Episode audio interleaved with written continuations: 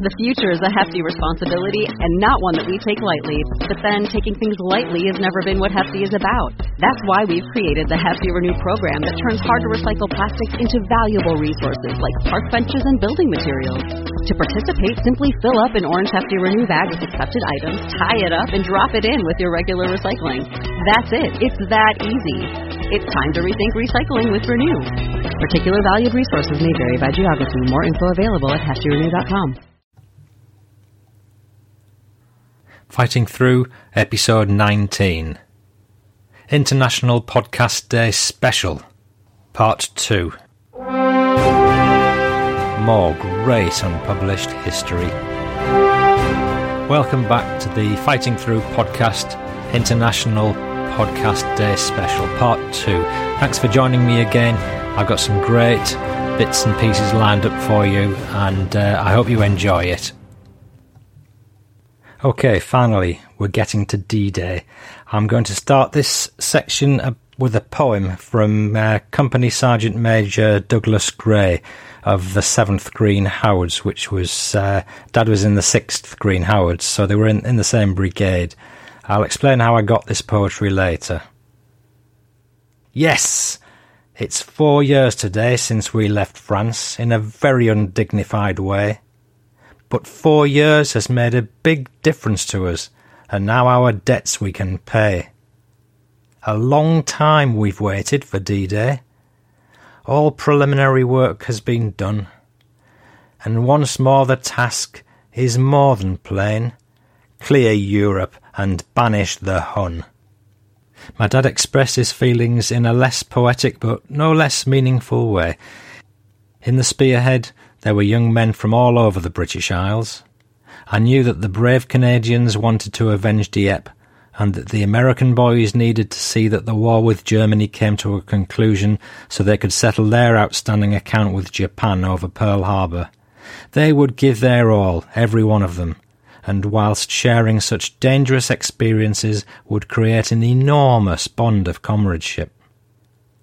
I can't really explain the feeling I had when I saw just a fraction of the massive power that was going to back us up when we invaded. I felt proud to be British.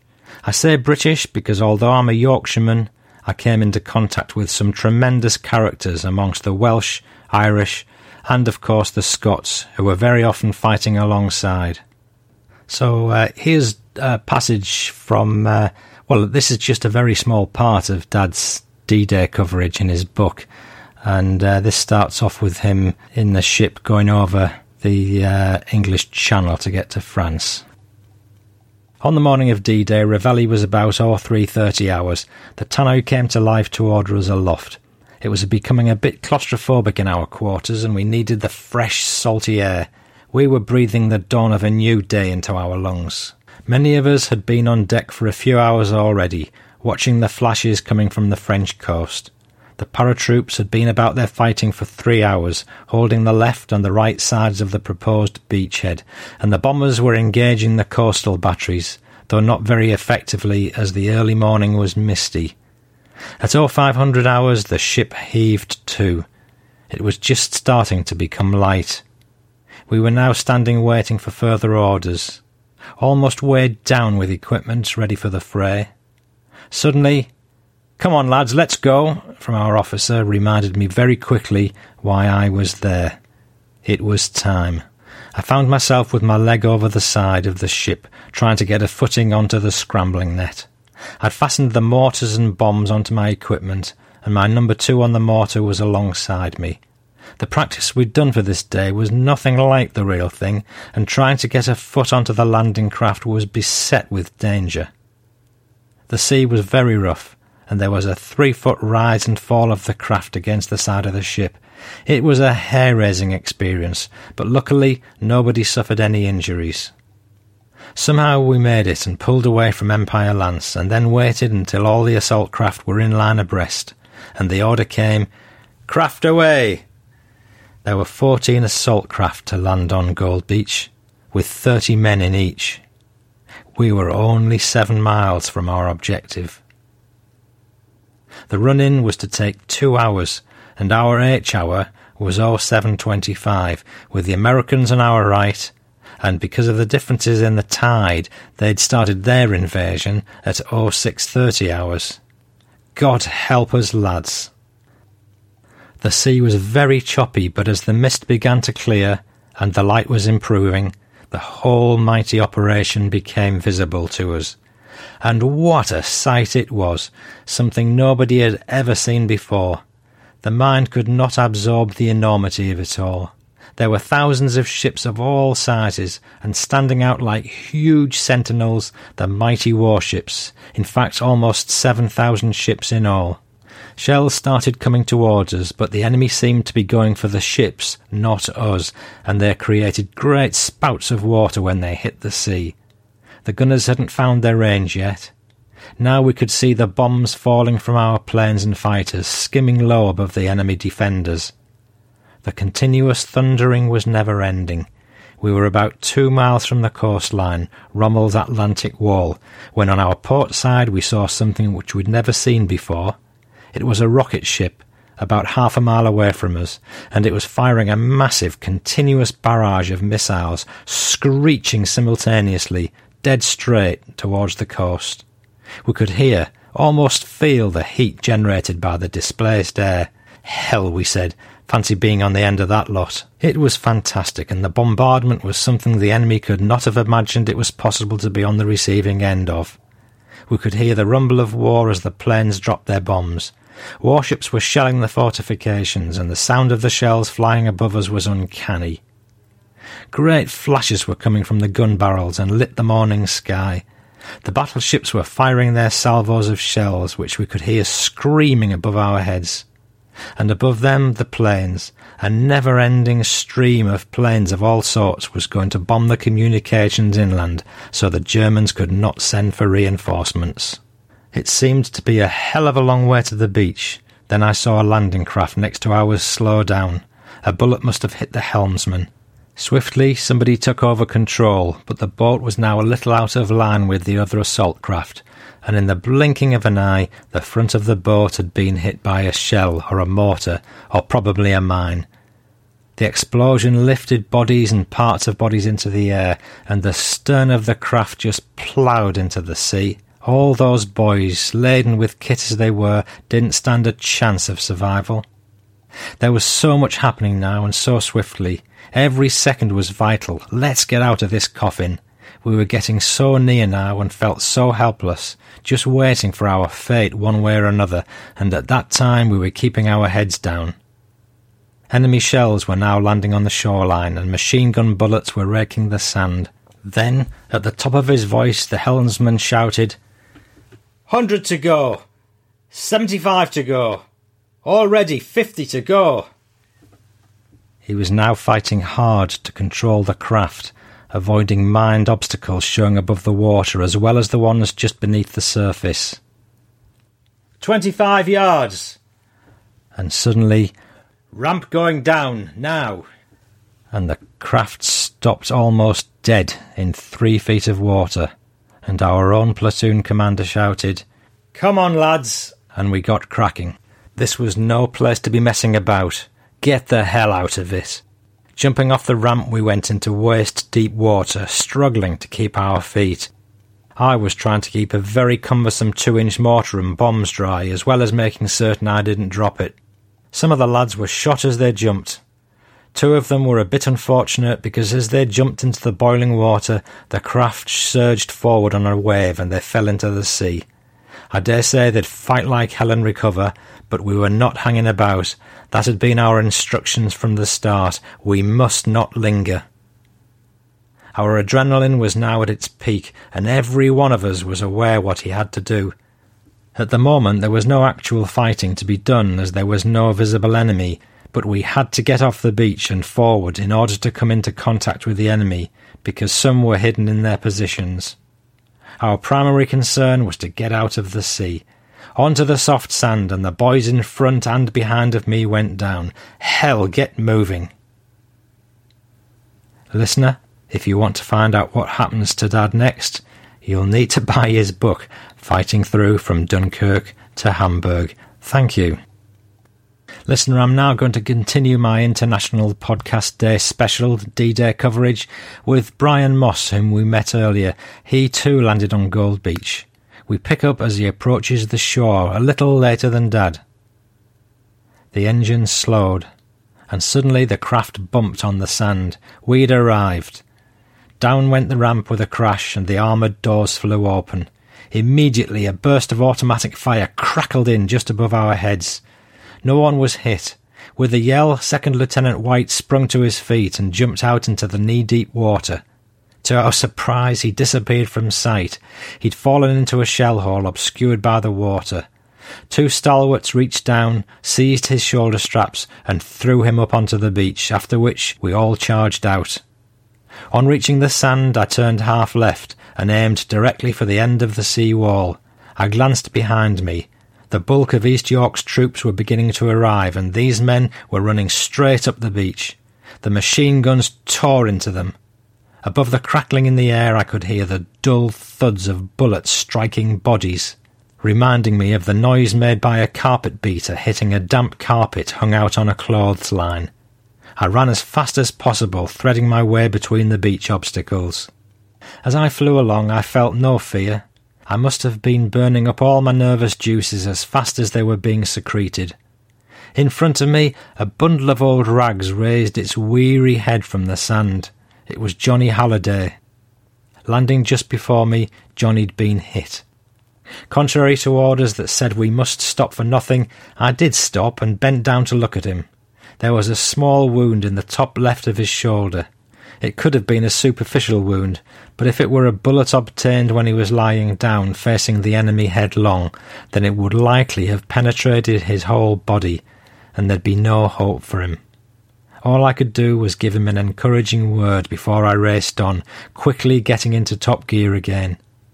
I never saw Johnny again, and my attempts after the war to trace his fate were unsuccessful. Within a few yards, I was surprised to meet two screaming naked men making for the water at high speed. They were hairless, burned bright blue, and wore only smoking boots. I assumed they were a tank crew. We passed on opposite courses with never a second glance. I then picked my way through a zone where many bodies lay. These were evidently machine gun victims, in numbers approaching an entire company. This would have been the Left Hand Assault Company, men who'd landed just before us and had felt the full fury of the enemy defence. I sped along, dodging and ducking, the grenades swinging madly in my pockets. There was no sign of two platoon at all. I wondered if they were sheltering behind the beach obstacles somewhere. Steel helmet bouncing on my nose, I covered the last few yards and collapsed on the sand next to figures in khaki under the sea wall, panting like a dog. I was shocked to see only half a dozen men there, just the Yorkie CSM and a handful of his men. Where'd our invasion gone? Where was two platoon? Where was our officer? Glancing along the beach, I could see no one else on their feet, only the dead and the dying. There were a few figures scuttling about in the distance, but that was all. The CSM threw what I realised was his last grenade over the wall, so I pulled out a couple more from my pockets and handed them to him. Good lad, grasped the CSM. Let's give him some more of these buggers. And he sent them, he sent them over the wall. I hurled my other two grenades to join them. I also gave the housetops a squirt from my Sten gun, not because I saw any particular target there, but it seemed the right thing to do. Enemy fire from the casemate was still pacing the beach. Despite our grenades, its machine guns were firing continuously while the 88 slammed out round after round. Neither we eight men at the seawall nor the enemy in the casemate could fire directly at each other. If we were to peek around the end of the wall, we'd surely get our heads blown off. The grenade was the only weapon that stood a chance of penetrating a doorway or other access point. The few East Yorks lads were tight up against the bottom of the wall. I moved a few yards back trying to see over the top. Heavy caliber stuff was now dropping on the beach to the west. I turned to look towards where the shells were dropping and was suddenly felled by an almighty blow on the left shin. I found myself kneeling on my left knee and remembered having seen a mortar burst not far away. I knew I'd collected a mortar fragment. There was no immediate pain, but it gradually built up to the kind of feeling you'd expect to experience if someone hammered a six inch nail into your shin bone. And breathe, listener. I'm now going to jump forward a week in time to pick up Doug Gray's memoir on Normandy. Doug Gray wrote a day by day diary of his Normandy adventures. I first heard about him from his son, who's also Douglas.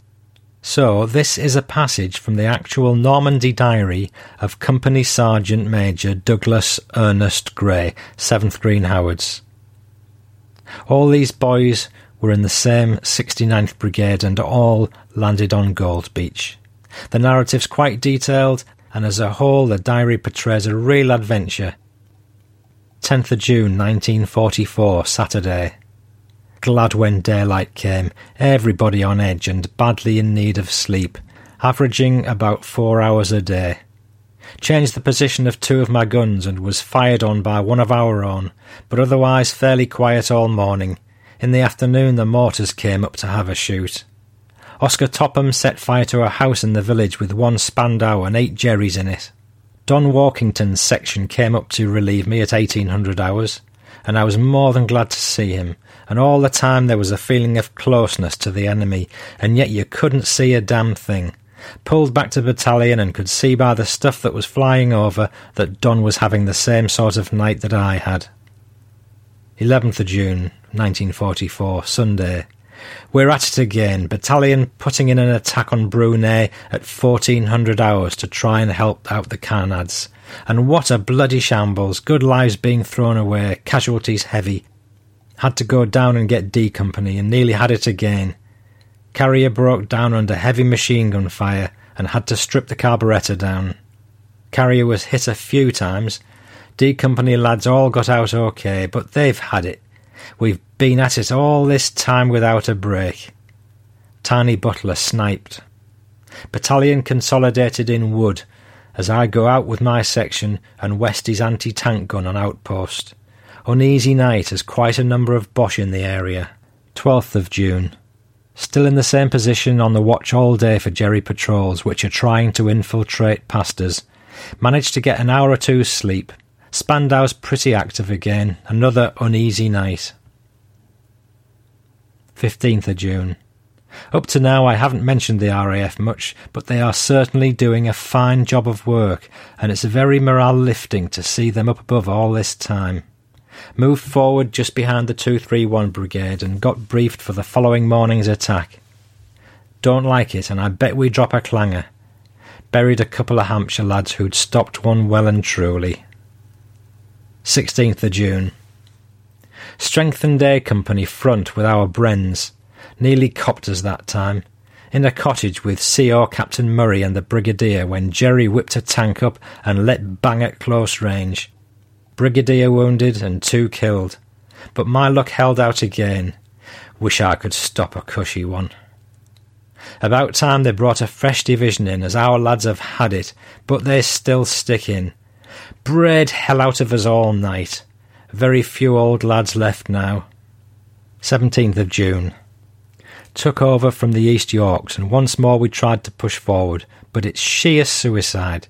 The country's absolutely rotten with snipers and Spandaus.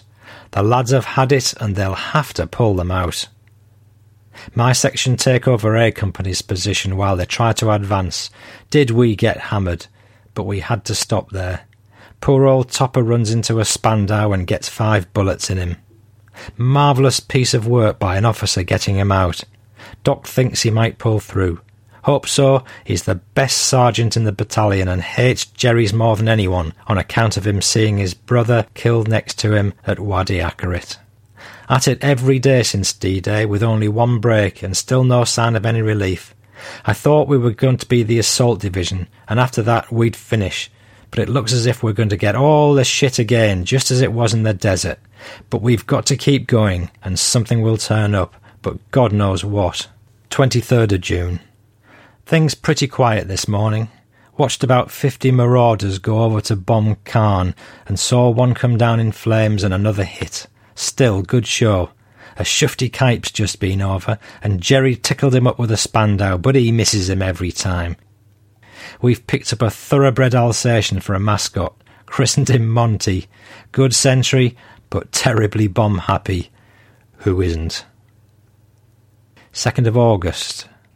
Listeners, we're fast forwarding a month or so now because uh, this is Military Medal Day, if you like.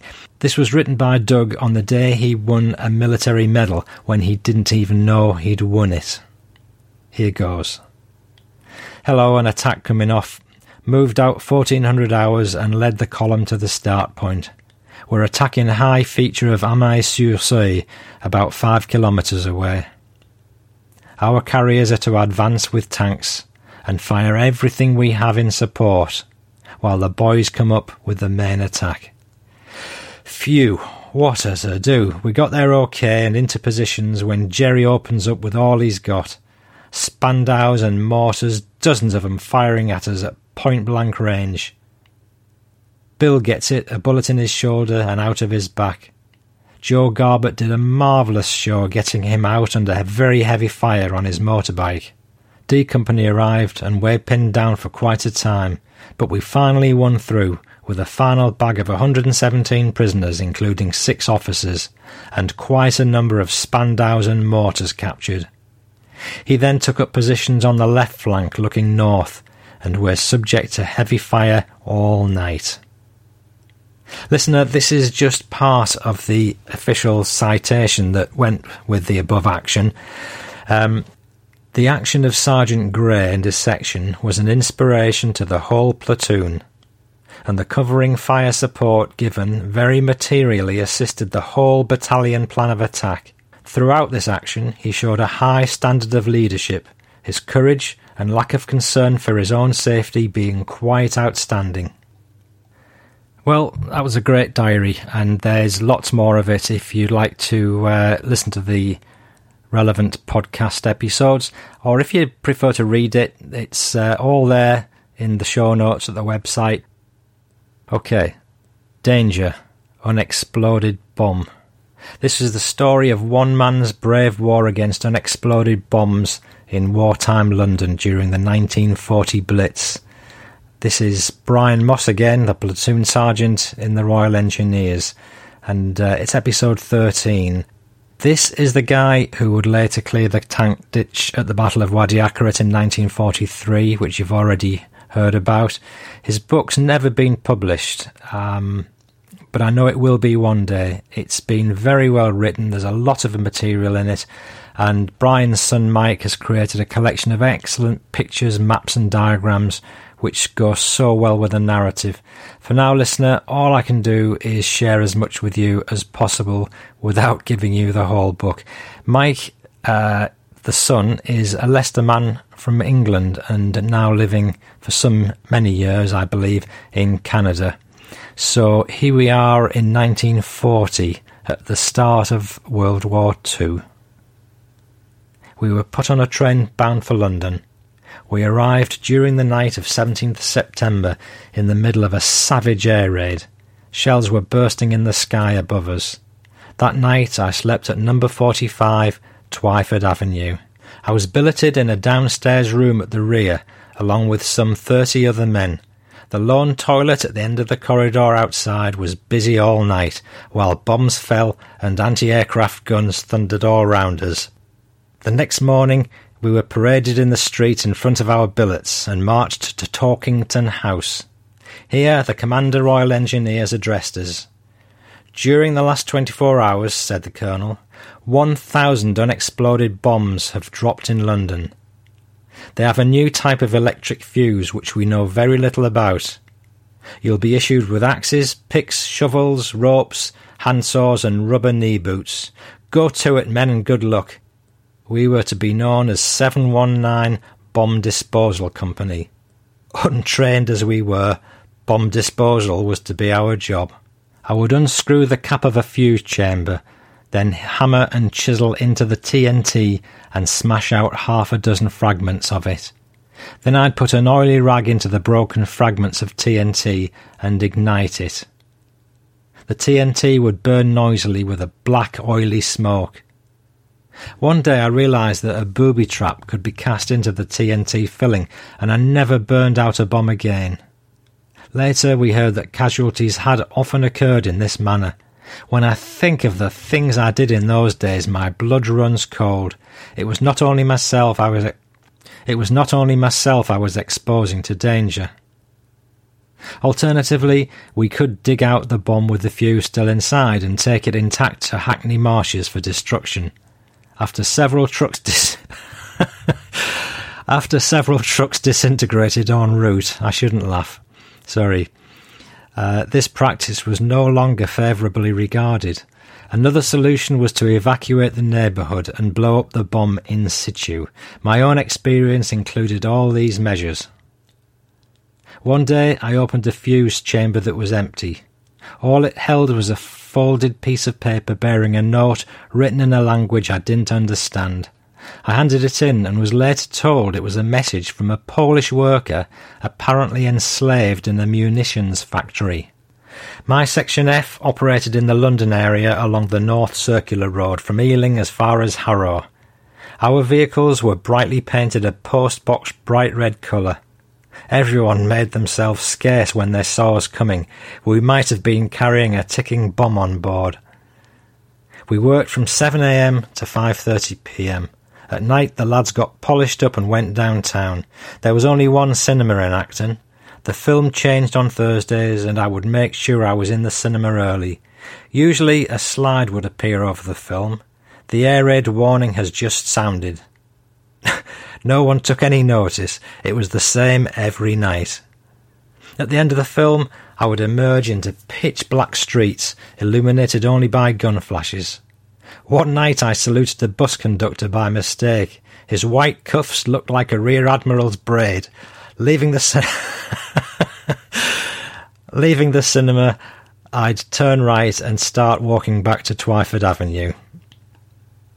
Listener, I'm sorry if I keep laughing occasionally, but uh, this is a massive episode, and uh, I'll be here all month if I keep stopping and correcting every little tiny error, as I so often try to do but I hope you'll bear with me. Back to the script. As I recall this, I'm taken back to a typical bombing raid. A spot of yellow light suddenly appears in the sky. It disappears. Then it reappears, somewhat brighter. It's getting bigger. A second yellow light flares up in the sky, half a mile from the first, then a third, and then a fourth. The string of flares produced a sickly yellow glow over Acton. The enemy's target is Park Royal again, an industrial area. A bomber approaches, its engines making the sound umma, umma, umma, umma. Suddenly, I'm startled out of my wits by the flash and crash of a 3.7 battery that I didn't even know was just beyond the park railings. The shells go rumbling up into the heights and explode faintly. Spat, spat, spat. Then comes the long, indrawn breath of an exploding bomb. I crouch at the side of the road, and although I know the bomb has exploded, I can't be sure I heard it. The guns crash again, and I curse them because they seem so futile. I turn into Twyford Avenue, tripping over someone lying on the ground, and I hear the shell fragments spinning down from the heights and bouncing on the road. Twyford Avenue doesn't look the same as it did when I left to go to the cinema. One of the houses has been demolished, and it's now a black, shapeless mass lying halfway across the road. A broken gas pipe flares in the wreckage in which rescue men work patiently. The flares are lower now, and the wind has brought them nearer. The first one dropped is very low. In fact, I can see its parachute above, illuminated by the flare.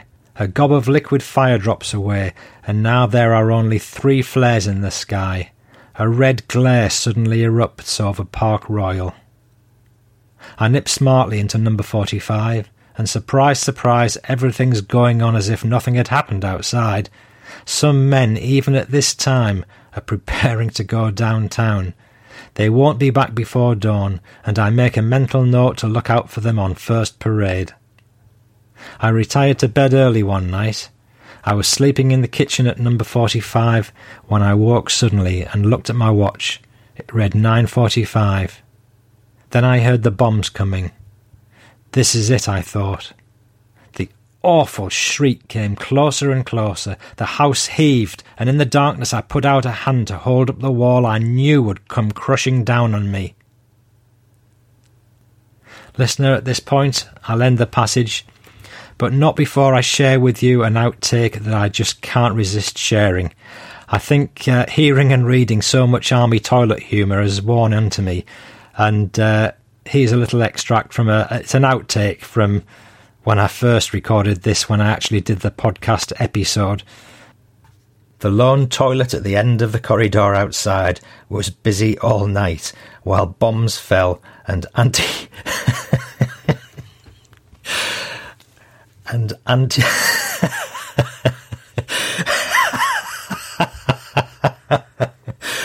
and anti aircraft guns thundered all around us.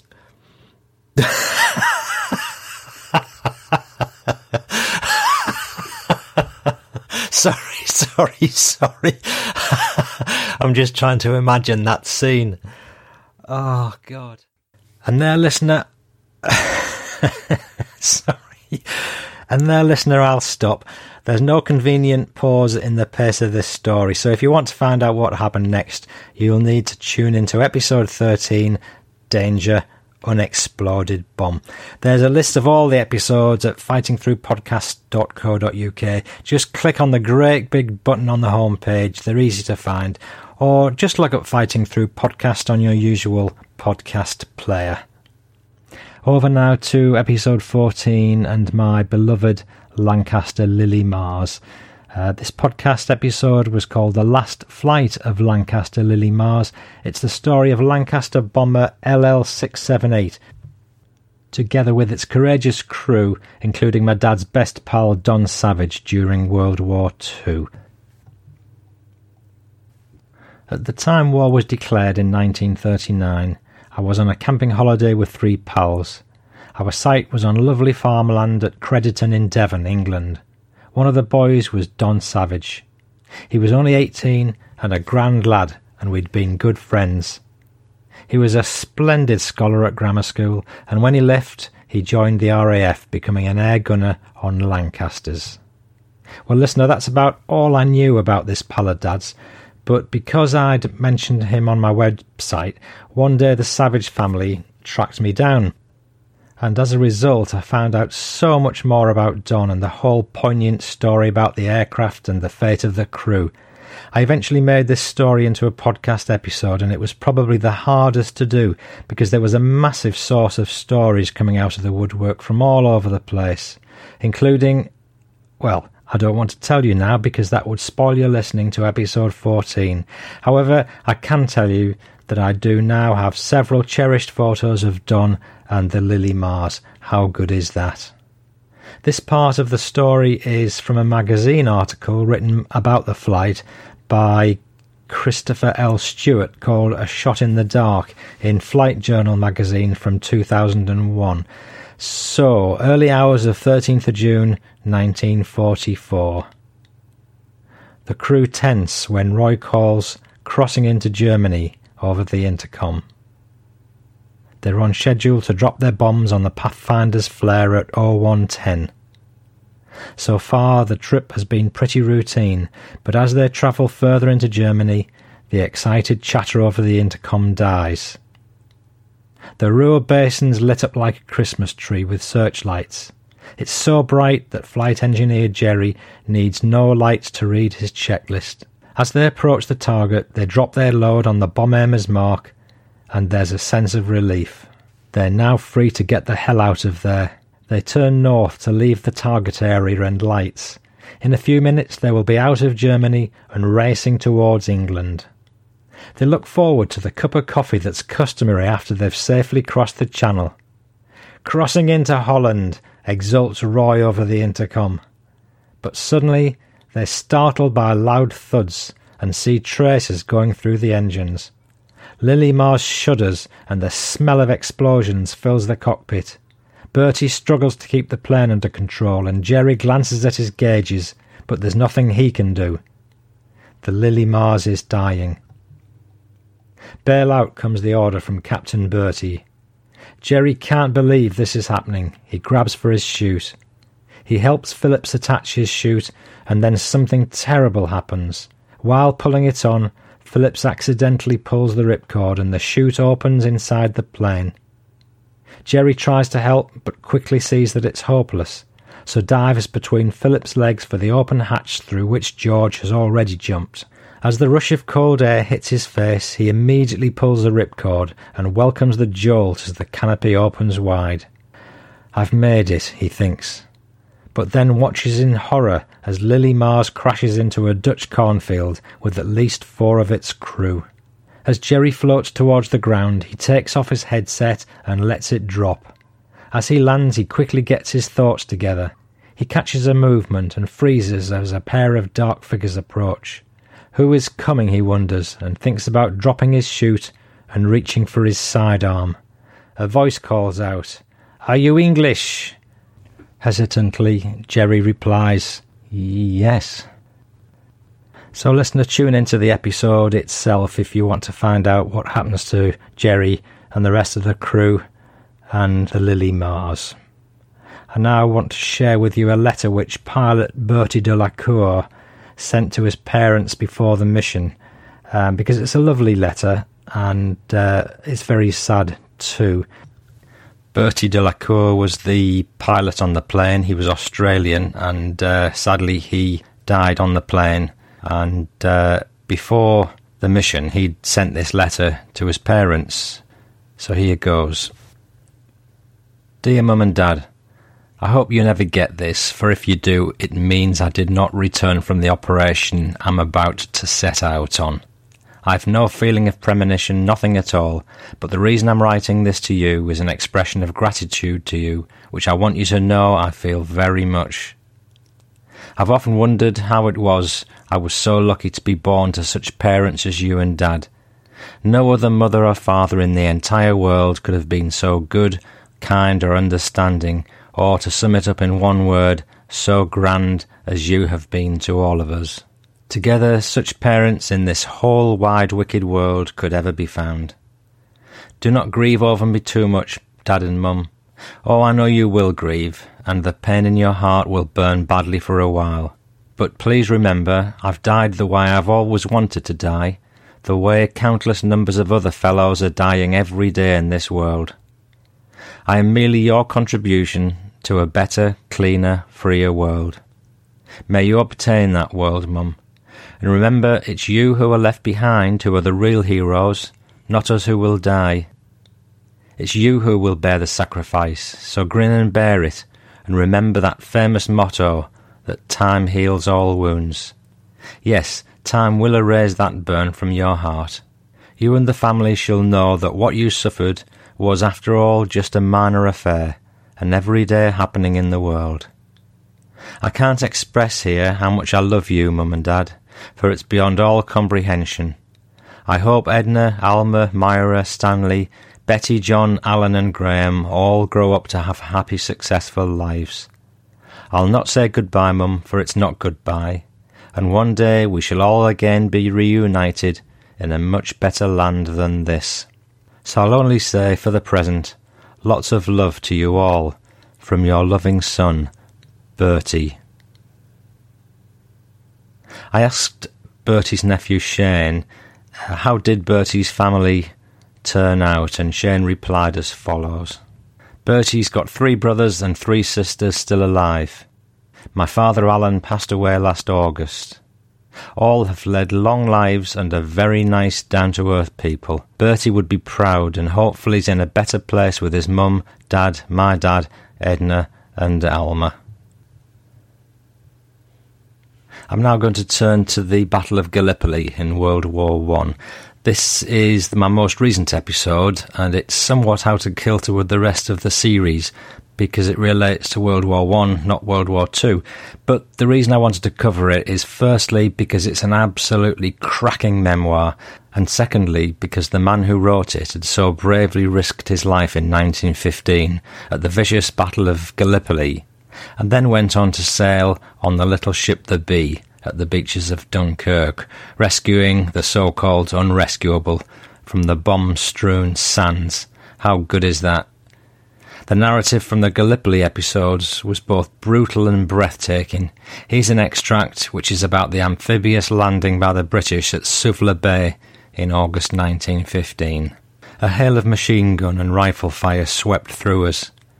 Men slumped across the oars. Now it was a case of every boat for itself.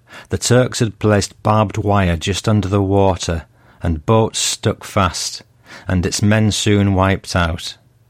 My boat was lucky to find a gap through which we passed to the beach and we scrambled out. Our machine guns were to follow us in after a landing was made, so I had my section with just rifles. Other boats were getting through, and I gathered my section, and I'd only lost two, and sheltered behind some rocks until we could establish a line to go forward. Then the firing stopped, and with a yell of Allah! Allah! the Turks charged, they bore down on us like fiends, and soon I was fighting for my very life. Three more of my section fell, never to rise. We fought like tigers, sword, butt, and everything.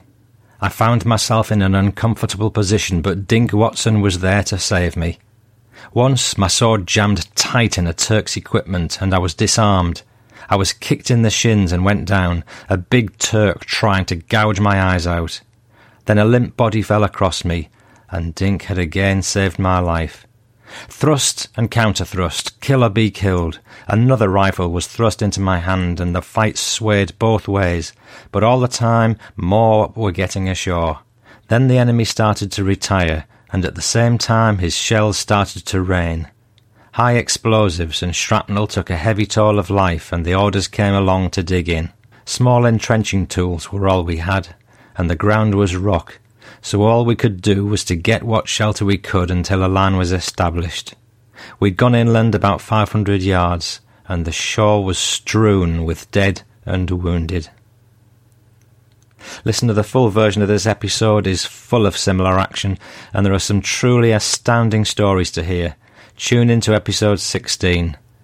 Have a hand to hold. During this show, I want to share with you just a bit of the very positive feedback I've received to illustrate the heartwarming impact the show's had on people close to some of the stories or characters covered.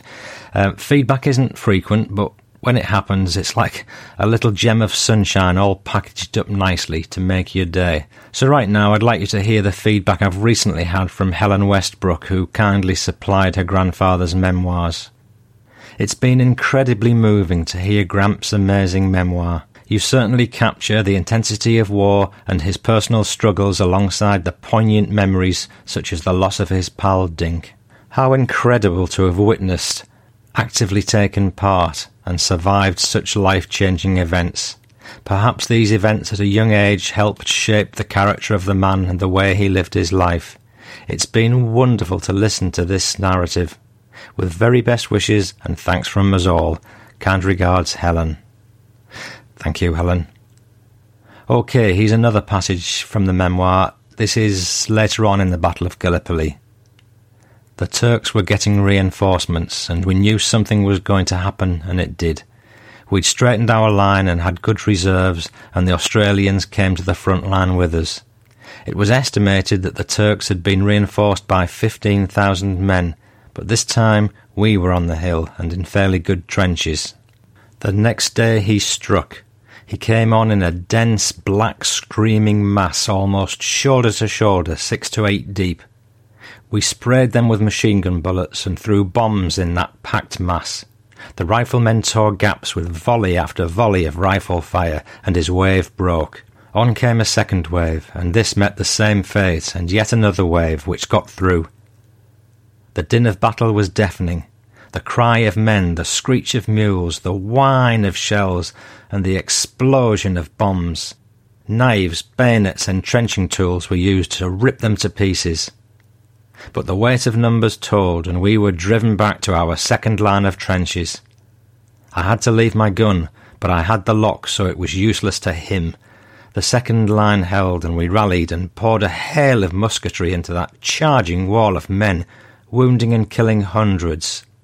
Still we could not hold them, and we were forced to give way again.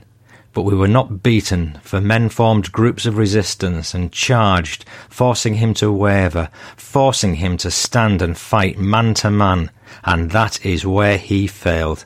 We used stones, knives, clubs, and even fists as we hurled ourselves upon one another with a fury that afterwards we could not understand, and in the end Johnny was beaten to a standstill. Whew, I'm glad I wasn't there. Well, reader, that's where we leave Gallipoli behind. I really would encourage you to read about it in the show notes and listen to the full episode because there is some amazing action and some amazing stories. There really is. And uh, Gallipoli is one of those battles that you should know about. It's part of your history. Anyway, we move on. The chap who starred in, if if starred is the right word, um, Gallipoli man, Fred Reynard. He made it safely back to England to cool his heels for 25 years before his country called upon his services again, this time as a civilian. The little boats are being mustered to go over to Dunkirk. The Navy commandeered the B, a 70 ton coastal transport boat. The engineer, Fred Reynard, a chirpy little man, said to an admiral, Beg pardon, sir, but what do your young gentlemen know about Swedish engines? I've been handling this one since 1912. The officer told him about Dunkirk and said, Have you ever been under shell fire? Ever heard of Gallipoli? Reynard shot back. He and his crew took the Bee to Dunkirk with a Navy sub lieutenant nominally in command. I just love that anecdote. That's wonderful. So uh, here we go. We were now nearing the beach. Another near miss. No one could be lucky enough to survive this holocaust. Now a welcome sight. Nine of our fighters arrived and straight into the Huns they went. Easy targets, those dive bombers. Some scattered and fled, some went down. Our planes could not remain long, and back came Jerry with his unceasing bombing. But still that procession of men came down to the water's edge. There was nowhere to go. Cars, lorries, and motorcycles were being sabotaged by being driven into the sea or destroyed on the beaches. A lone chestnut horse ran up and down the beach. More RAF planes arrived. One crashed on the beach. But with more of our planes, what a different story it would have been. Bee drove at full speed onto the shore and grounded. They came towards us, some wading almost to their necks in the water, those men of the BEF and we realised that our efforts to assist them aboard with ropes and scrambling nets were futile. Waterlogged and utterly exhausted, many wounded, it was impossible for them to make such an effort. We quickly sawed the ship's ladder in two, placing a half on each side of the bow. The success was reward enough to see these men file aboard, some equipped with nothing but a covering of clothing, but all with the determination to live. As Meryl Streep said at the end of the ABBA movie, Do you want some more? Yeah! Everyone in the crowd shouted. Well, listener, if you want more on this occasion, look for episode 11. All these episodes are easily found at fightingthroughpodcast.co.uk.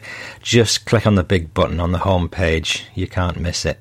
Anyway, if you want a little bit more, here's some more Dunkirk from Captain Tom Woods and the Lady of Mann. Here goes. This was from episode 10. So, listener, uh, we heard earlier on how Major Petch and my dad had struggled through the French countryside, fighting their way back to the beaches of Bray Dune. We heard how they boarded the Lady of Mann ferry ship on the East Mole, and if you've seen the Dunkirk movie, you should be able to picture that scene. The ship was captained by Tom Woods, a civilian seaman of many years, and he wasn't very far off retiring when duty called. Here's one of my favourite scenes from Tom's papers 31st of May, 1940. And this is the day my dad had actually arrived. In fact, dad arrived the day before. Um, we arrived at Dunkirk about 11:30 a.m. and had to wait outside the pier heads for orders to enter, which we got about noon. All the time we were waiting, there were continuous waves of German planes coming over, 40 at a time, and our fighter planes going up and intercepting them kept them from dropping any bombs close to the shipping. About 1:30 p.m., we got a berth at the pier and commenced embarking French casualties from the French hospital. We took 1500 casualties on board, of which 300 were stretcher cases, also 500 other French troops and 1000 British. All the time we were at the pier, the German planes were coming over, their bombs dropping the other side of the pier about 40 yards from us, and we had seven holes made in the starboard bow close to the waterline. Several soldiers marching down were killed about 30 yards ahead of us in the wharf from the shell fire. All the time from entering Dunkirk for over five hours we were under bomb and shell attack. We sailed about 5 p.m. for Folkestone, berthing there at midnight, and disembarked all the uninjured troops, leaving Folkestone at 4:30 a.m. for Dover, arriving about 6 a.m., where the casualties were finally disembarked.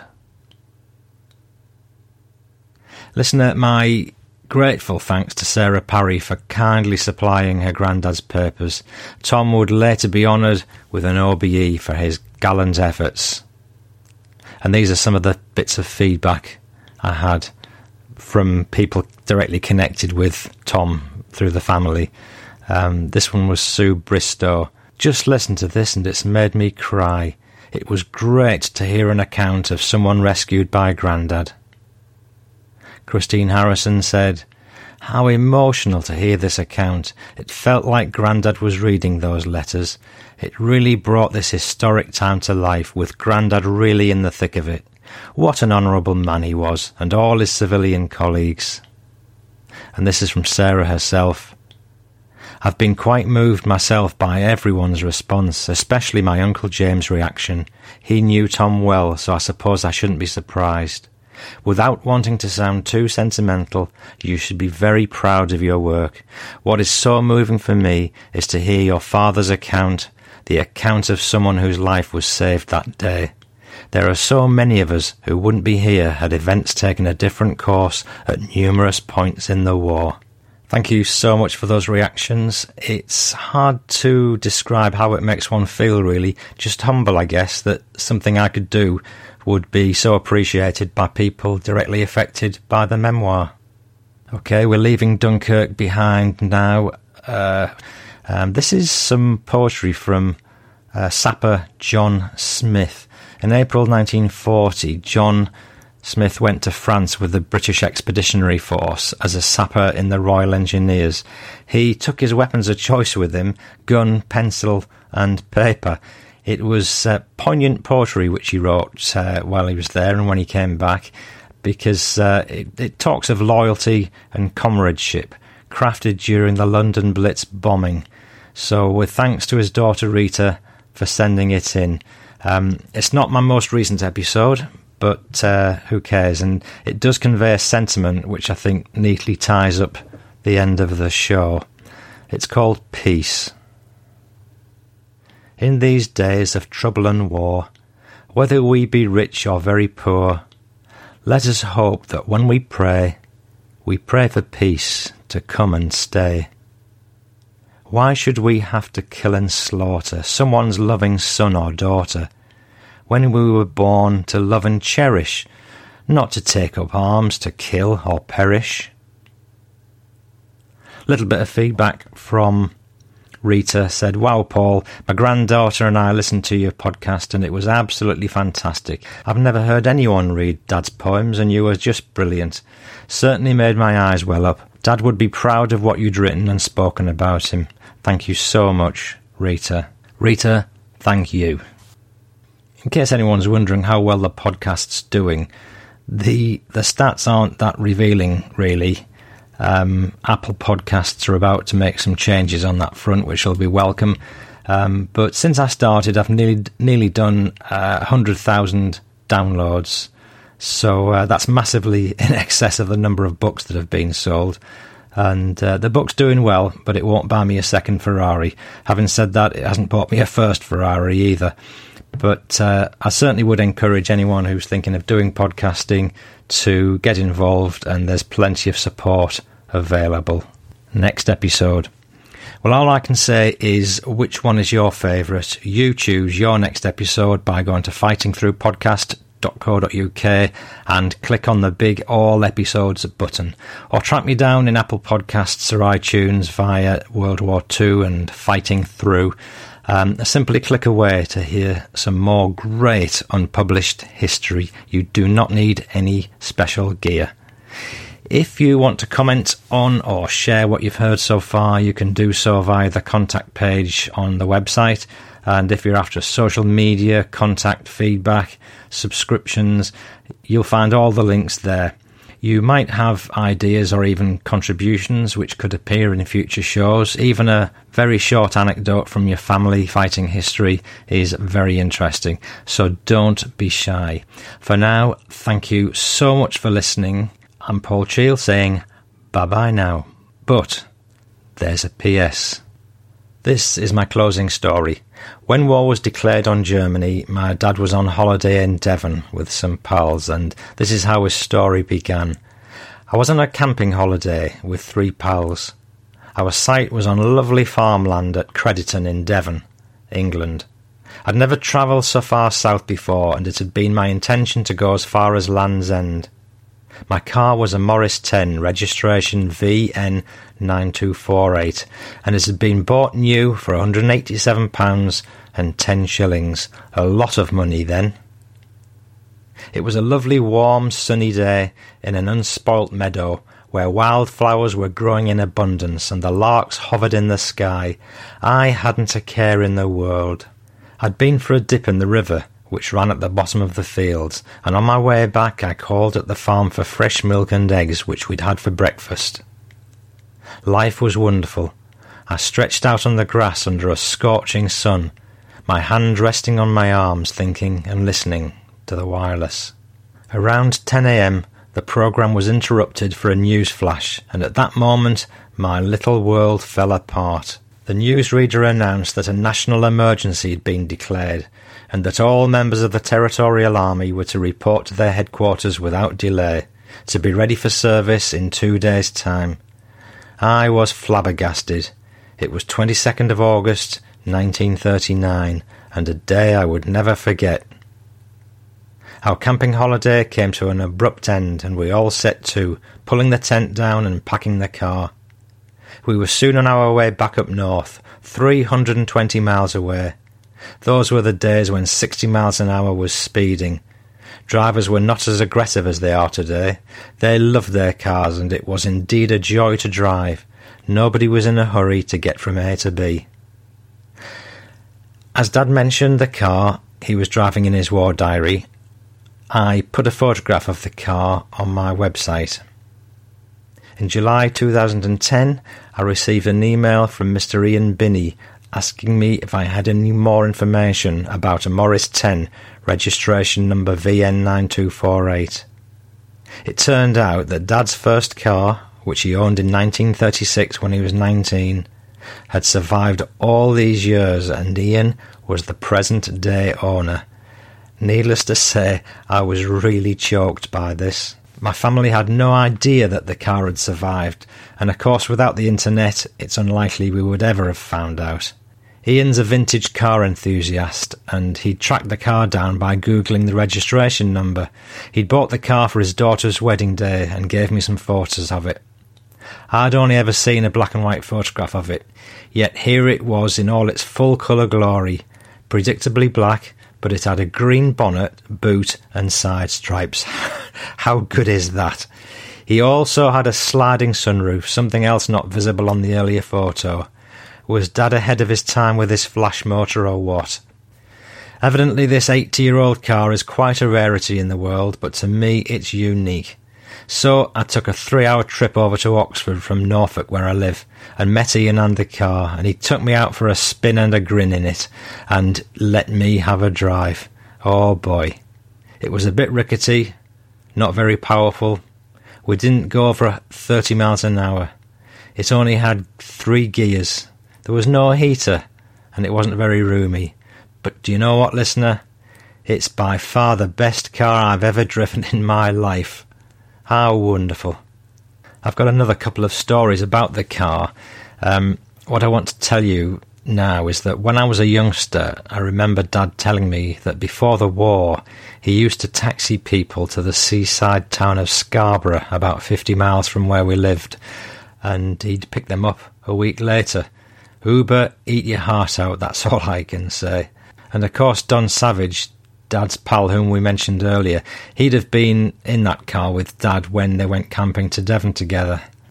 And I had a surprise for Ian, the owner. Um, in my garage at home, I had an ancient brass foot pump for inflating car tyres, and it, it still worked, um, although I didn't use it much. And I know my dad, and I also know that he bought stuff to last in those days. So I'd bet a pound to a penny that this foot pump was the one he'd originally bought for that car because he, he would never have thrown it away. So I decided the pump kind of belonged to the car and I gave it to Ian as a present. I don't know who was most chuffed Ian for adding to the car's pedigree or, or me for the choking, virtuous feeling I had knowing how pleased Dad would have been to see the pump repatriated. And more to the point, how delighted Dad would have been to see that car had he still been alive today. You can see the pictures of the car on the Fighting Through podcast website. There's another PS now. Um, this is a special note to reward any of you who stayed on to the end. You may recall me talking about uh, Arthur Oxley, the lad who was blown to pieces in the Battle of Wadi Akarit, and Dad had to bury him, and he only identified him by the um, the identity discs they found and Dad had left him buried under a, a cairn of stones in a, a very lonely place, and he, he always wondered if the body would be recovered. Well, after the war, Dad made some inquiries about Arthur's body, and he was pleased to discover that the body was recovered and uh, it was reinterred in the Sfax cemetery in Tunisia. And uh, what a lovely end to that particular tale. And I think a very nice ending to the show on a very positive note. So, this is me saying, wishing you all well, hope to see you again soon. I'm Paul Shields saying, bye bye now.